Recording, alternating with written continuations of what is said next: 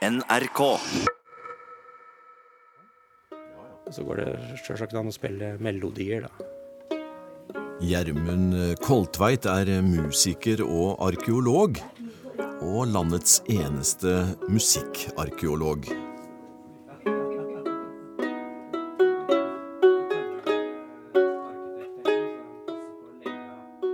Her spiller han Magnus-hymna på en egenprodusert lyre. Vi skal høre mer av og om den senere. Og vi skal høre hvordan en norsk megafon fra 600-700-tallet forsterket lyd til sjøs. Og lurer du på hvor gammelt verdens eldste kjente instrument er, så følg med videre. Vi skal eh, også treffe en som nå reiser verden rundt og konserterer med vikingtidens instrumenter, og bringer disse inn i moderne tid, med overveldende respons. Men først skal vi være i stua til Koltveit, hvor han omgir seg med mange typer instrumenter med mange tusen års historie. Det var litt uh, pussig, men det, det hemmer ikke oss. Strømmen er gått på Fjellstrand, på Nesoddlandet, men uh, her er det jo bare akustiske instrumenter, så det går veldig fint. Og nå kommer sola over Asker og gyller snøkledde åser bortover der, og Oslofjorden ligger stille og fredelig. Fantastisk flott sted her, må jeg si. Ja da, det er, det er veldig fint her, altså. Stuttvei til, til, hovedstaden, for den som ja. trenger det. Du er jo musiker, men du kaller deg også musikkarkeolog. Kan du fortelle sammenhengen og utviklingen i det? Ja, Det er ikke noe jeg har funnet på sjøl, for det er jo et fagfelt, da, musikkarkeologi. Internasjonalt fagfelt som er, som er en, en del av, da. Det begynte med at det var en kombinasjon av interessene mine, musikk og arkeologi. Så jeg spilte i operaorkesteret for lenge siden, og, og Da spilte du ikke lyre? Da gikk det mer i, i felia, eller fiolin. Og så mens jeg drev der, så begynte jeg på arkeologi på universitetet. Og så fikk jeg høre om dette her, at det faktisk går an å kombinere de to tingene. For det er ei svensk dame som heter Kajsa Lund, som er internasjonal foregangsperson på det området her. da. Så jeg kom i kontakt med henne og fikk henne som ekstra veileder på hovedfag. Og noen vil huske et program hvor du medvirka. Det er vel et par år siden. Minst. Hvor vi var utafor Kongsberg for å registrere det som het Eller det dere kaller klangsteiner. Du kan jo bare si, repetere litt hva det er, og, og den jobben. Ja. Det er sånne store steinblokker som har klang, som folk har spilt på opp igjennom. Noen, noen har tradisjoner rundt seg, og, mens andre har har ikke så mye tradisjoner bevart, men er sannsynlig at de har vært brukt helt fra bronsealderen i noen tilfeller til å, til å lage lyd. Og det er ofte skålgroper, altså en slags uh, helleristing på dem i tillegg. Da. Det er også verdt å nevne at Koltveit har tatt en doktorgrad om europeiske munnharper. Men nå må vi litt nærmere musikkarkeologifaget og hva det innebærer. Se, der kom strømmen. Ja. Det var lyd, det også. Ja. Nei, det er jo et, det er jo et fagfelt med folk i forskjellige land, så det er et internasjonalt nettverk da, som møtes til konferanser jevnlig. Så jeg har ikke så mange kollegaer i Norge, kan du si, men jeg har noen i Sverige og Finland og, og Tyskland og, og nedover. Så, så, når det er et såpass lite fagområde, så er det viktig å, å dyrke de faglige fellesskapene som og der vi kan snakke om, om utfordringer og problemer osv. Er musikkarkeologi et nytt felt i arkeologien? Ja, altså, Det er jo et problem om det hører hjemme i arkeologi eller musikkvitenskap. For svaret er jo at det er verken eller. Så det er sånn typisk tverrfaglig eh, område som, som faller mellom mange stoler, da, kan du si. Og der er det litt sånn lokale varianter om det, om det er mest innafor arkeologi eller musikkvitenskap. Sånn som for min del så har jeg tatt det som en del av musikkfaget. Så det er nok tendensen de fleste steder at uh, musikkfaget er mer åpent enn arkeologifaget.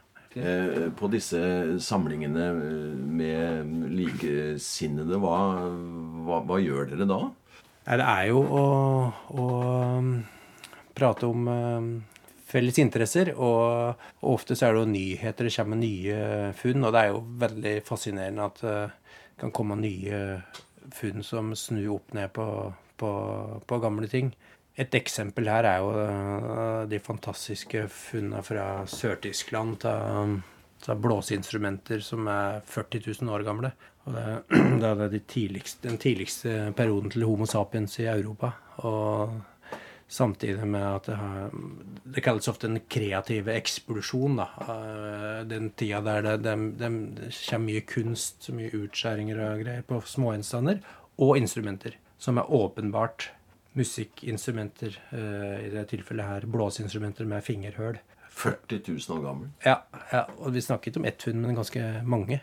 Det ene er en svanevinge, og det har en grå, gåse, gåsegribb. Eh, vingebein på en gåsegribb som, som er lagd til ei fløyte. Eller det er vanskelig å si helt sikkert at det var fløyte, for det, enden er litt ødelagt. Det kunne være en slags enkel klarinett, da, eller en rør, ja. rørblad. Men det var, det var hull? Ja.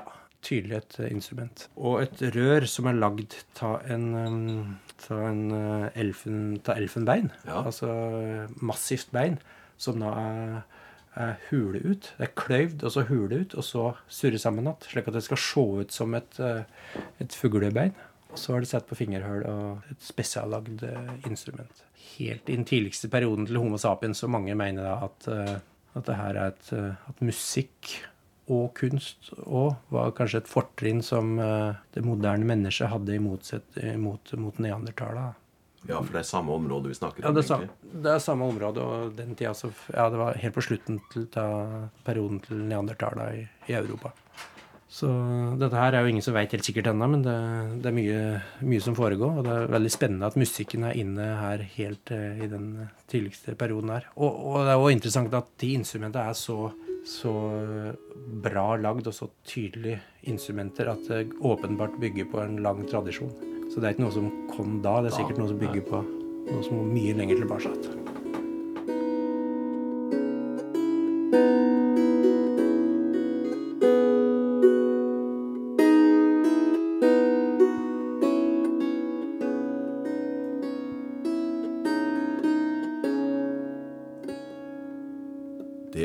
Lyrens vare klang som først og fremst følger oss gjennom dette programmet, med musikkarkeolog Gjermund Koltveit. Strengeinstrumentet har en 5000 år lang historie. Det kommer fra Mesopotamia, nåværende Irak, hvor det både er gjort arkeologiske funn, og det er gjort funn av avbildninger fra den tiden. Det kom etter hvert til Europa og ganske sent til Skandinavia og Norge, forteller Koltveit og i den senere tid har han konsentrert seg om lyrens historie i Norge. Akkurat når det gjelder med lyrer, så, det, så har jeg vært fascinert av det lenge. For meg et fint møtepunkt mellom håndverk og, og, og forskning og musisering. Så jeg på en måte smelter sammen interessene mine akkurat der. Det er fortsatt utforske området, altså. For jeg mener det er en uh, åpenbar norsk, sterk musikktradisjon som, som, uh, som sto sterkt i mange hundre år. Som det er viktig å, å prøve å ja, børste støv av eller finne ut mer om. Da. Det du ser her, da, det er litt mer sånn norske eller skandinaviske varianter. Sånn som den her er jo da en, en Dette her er en um, en rekonstruksjon, da kan du si, en, en, utskjæring på en stavkjerkeportal fra Setesdal fra rundt 1200, Hylestadportalen. For i Norge så er det sånn at det, det er en del avbildninger av lyrer fra den tida der, sånn 1100-1200-tallet, rundt der. Så det er tydelig at uh, lyren holdt seg ganske lenge her oppe i nord, faktisk. Jeg nevnte stavkirkeportaler, og det har en benk fra Hed Heddal stavkirke og et krutthorn fra Mo i Telemark og en døpefont fra Bohuslen. da. Ja. Og det interessante er at de, alle de eksemplene der er jo fra historie om uh, om eh, Sigurd Fovnesbane, som er en veldig populær historie i mange hundre år. Ja. Sigurd er samme som Sigfrid i, i Ja, da er vi nede i, i Tyskland, egentlig. Tysk område. Ja. Sigfrid er jo den uh, som Wagner skriver om i, i uh, hans berømte operaer. Så det er en sånn sagnkrets som er åpenbart veldig populær i, i lang, lang tid. da. Og i, i, historien om Sigurd Fovnesbane så er det en uh, som heter Gunnar som da blir, som blir kasta i ormegården. Og så gir, Det er vel av Gudrun som gir ham ei, ei, harpe, som står i teksten, da, som da avbildet som, som lyre. Og i noen tilfeller så blir den bønnig, altså hendene hans blir bønnig, så han må spille med, med tærne da, på, på, instrumentet. Så i de, i de, på de avbildningene så ser du Gunnar i ormegården med, med lyra, da.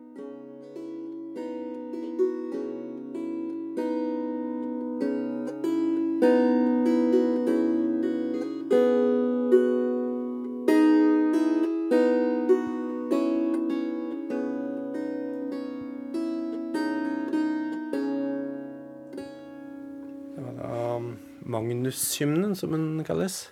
Som er nedskrevet på Orknøyene på 1100-tallet. Og det er et av de tidligste nedskriftene av musikk på, på norsk område. Og så en interessant ting med den er at den er skrevet ned eh, tostemt. Eh, så det er nærmest parallelle terser, er det vel du, ja. du, du ser på den, da.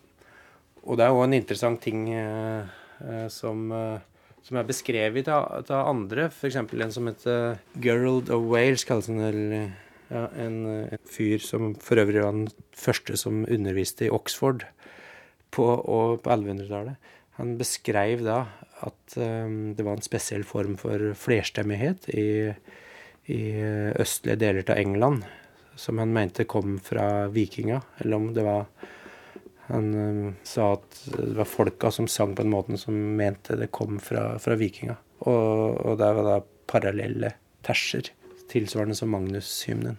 Og den opplysningen er det flere musikkhistorikere som har tatt tak i, og som uh, har sagt at dette her er et slags tegn på at, uh, at vikinga sang flerstemt, og til og med noen som har ment at flerstemmigheten oppsto i Norden, da. Det er kanskje å dra det litt langt, men i hvert fall så er det, det er en interessant uh, ting, da. Og du har en beslektet ting på Island med tvi, tvisonger, som det heter her, da. Som er og en sånn parallellsynging. Men kanskje mer vanlig med kvinter der, da. Så um, i, de, i, de, klassiske høykultura, som det heter i middelhavsområdet, Hellas, ja. Egypt Mesopotamia og Romerriket, så var jo lyre et vanlig instrument. Du ser det på avbildninger på vaser fra gamle Hellas, f.eks. Men så var det tydeligvis et instrument som spredte seg nordover i Europa, nordover og i hele kontinentet. F.eks. i Skottland så er det nylig funnet en del fra ei lyre, en sånn stol, som er over 2000 år gammel. 2300 ja, år gammel. Ja. Så det er tydelig at de impulser fra de såkalte høykultura spredte seg ganske fort nordover i Europa. Helt til, til, Norge. Er det mulig å vite noe om når, når eh, instrumentet kom til Norge? Det er vanskelig å si sikkert, men, eh, men eh, i hvert fall i Sverige så, er det jo, så har du jo noen strengstoler fra vikingtid, og litt før òg, da. Fra, fra, Gotland. Fra ja, 700-800-tallet, er det vel. Så, så i hvert fall da, og sannsynligvis eh, tidligere òg. Sjøl om vi ikke har belegg for det, så, så er det tydelig at, eh, at, det har vært et instrument som har vært vanlig ganske lenge. Er det gjort eh, funn av instrumenter i Norge som er gamle? Ja, hele instrument finner vi jo ikke. Nei. For pga. materialet så blir jo det borte i jorda. Men vi har noen deler, da. Særlig den der strengestolen, som ofte er hardt materiale. Den er jo da bevart. Og i, altså i norsk sammenheng så har vi jo et par funn fra gamlebyen i Oslo. Fra ja, 1200-tallet.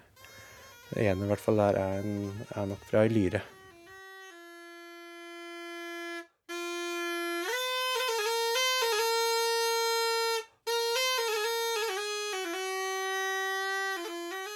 Gjermund eh, Koltveit spiller et eh, lite intermesso på en hyllefløyte, en folkelig klarinett laget av treslaget hyll.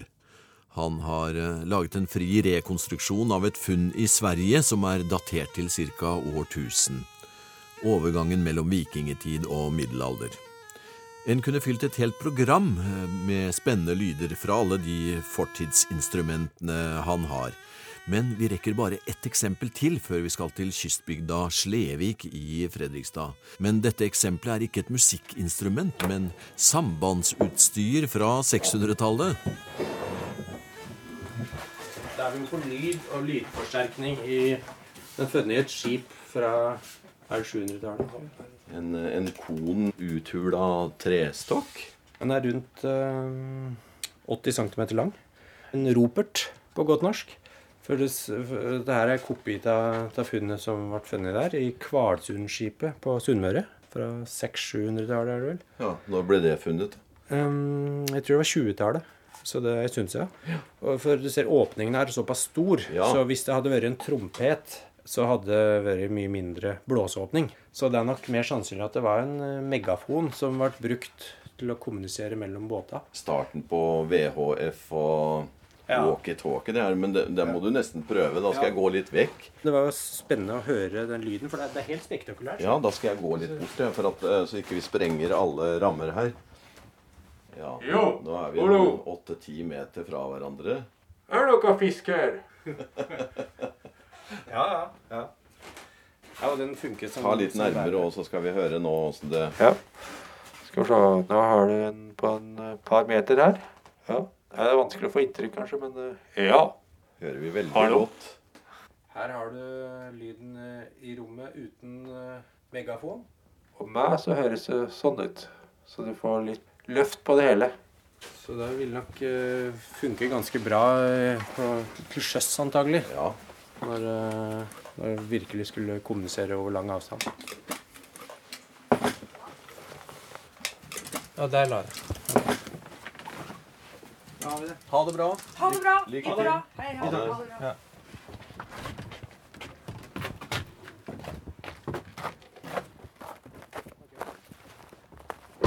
Ja. Spennende. Ja. Dere kommer fra var det Nesodden nå? Ja. Ja. Studio, studio. Var det ikke så proft med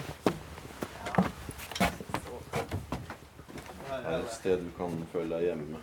Ja. ja, yes. Her var det mye spennende. Ja, det er litt sånn uh, instrumentfetisj ute og går.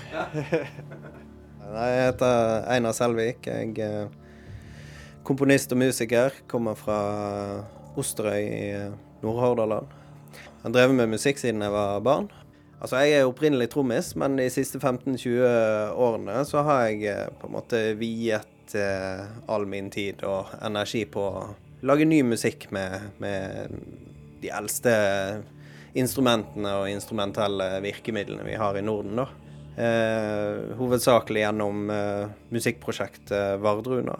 Eh, men òg og eh, så har jeg gjort en del opp mot film og TV. Kanskje det mest kjente er, er TV-serien Vikings, som jeg eh, har vært med å lage soundtrack uh, til. Jeg har vært deres autentiske alibi på musikkfronten. Da. De, de, ville ha litt Altså, du får mye gratis med å bruke disse instrumentene. Det er jo en liten tidsreise i seg sjøl, så de ville på en måte ha det litt inn i, i serien. Og så gjør jeg òg, altså hvis det, hvis det er kamprop, eller hvis det er, det er en begravelse eller en fyllesang eller no, noe sånt, så skriver jeg gjerne det til de òg. Eh, hvis skuespillere skal synge eller eh, eh, så, så, plukker jeg ut lyrikk fra, fra, relevante steder i sagaer og, og sånt. Britisk-kanadisk ja. produsert. som Ja, det var History Channel.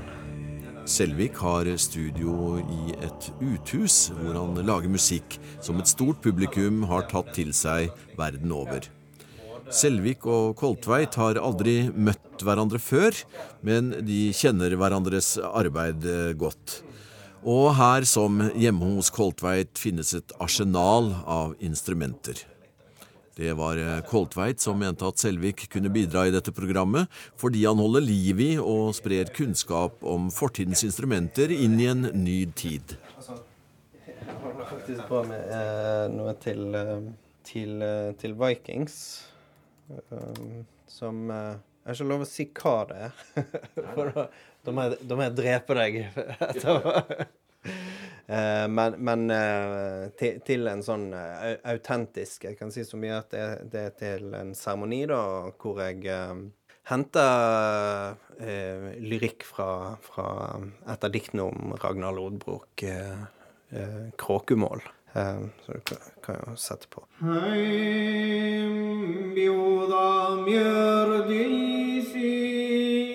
Sem fra Høreans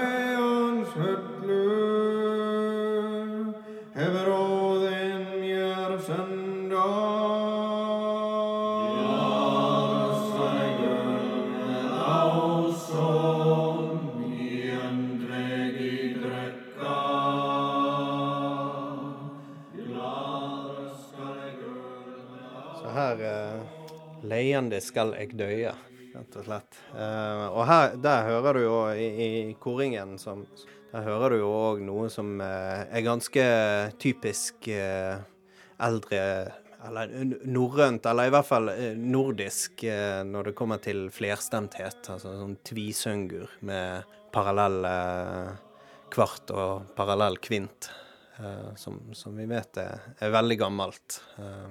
Så, så, jeg prøver liksom å bruke den slags ting så mye som mulig. Og, um, og det er ganske stor forskjell òg å, å, jobbe med skaldediktningen uh, i, i, forhold til um, uh, Edda-diktningen. Det, det, det, er en annen rytmikk i det. Uh, som jeg, som jeg syns er veldig, veldig spennende å, å, både jobbe med, men òg å, å, ta med videre i, i, min egen musikk og, og lyrikk den eh, kanadisk-britiske serien Vikings, men også den humoristiske og etter hvert veldig populære norske serien, da, har du også bidratt til? Ja, jeg, eh, de, de, bruker litt Vardruna-musikk og, og, litt av disse eh, sånn festmusikk, gildesalmusikk, som jeg har lagd til dem. Og så har jeg vært med hovedkomponist Johannes Ringen og, og sunget litt på disse hovedtemaene, da. Lagt litt sånn Håvamål-koring, rett og slett. Så det, nei, det er en flott serie. Hvor, hvor, reiser du, eller hva slags arbeidsoppgave arbeidsoppgaver får du nå på basis av disse gamle instrumentene? Det er klart, Først og fremst så gjør jeg jo mye konserter i inn- og utland. Det er en stor interesse for det. Og ja, egentlig overveldende sånn, sånn, sett å se hvor stort det, det plutselig har, uh, har blitt, og, og, hvor mange det treffer. Eldre nordisk historie og norrøn historie er jo uh, det er jo en, en, slags feber som herjer uh, rundt omkring i verden. og den, den, eksisterte nok før Vikings òg. det var noe som bl.a. vi merket. men det er klart at etter etter Vikings eh, så har det nok blitt en, eh, en eksplosjon. Eh, Hvor først og fremst? Nei, klart USA er, er, veldig stort. Men jeg vet ikke. Det er vanskelig å si ett sted, for det er så stort. Altså Brasil, Russland, hele Europa, egentlig. Det er Frankrike så, så, konsertbiten er jo én ting, men så, så, reiser jeg mye rundt og både gjør foredrag eh, på festivaler, og, men òg på konferanser, akademiske konferanser. Eh, jeg var, I fjor, var det vel, var jeg på Oxford University og, og opptrådte og, og, snakket foran eh, noen av verdens fremste eksperter på norrøn poesi. Eh, og det er jo ganske stas at òg at akademia òg eh, synes at uh, en del av de tingene jeg og vi driver på med, er, er interessant. da. Altså det, det, At vi kanskje har truffet noe som gir resonans. resonans. Vært sjuk en uke, så stemmen er litt uh, Du får ta det du får. OK. Synge et lite utdrag fra, fra Vølusbå, da.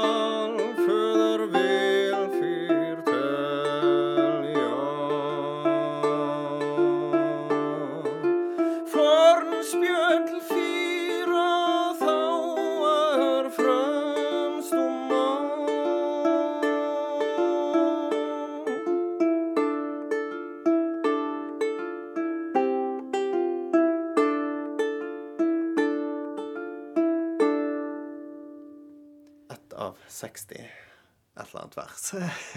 Flott, altså.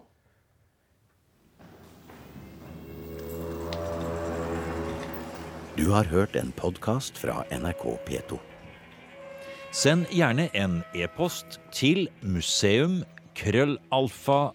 nrk.no.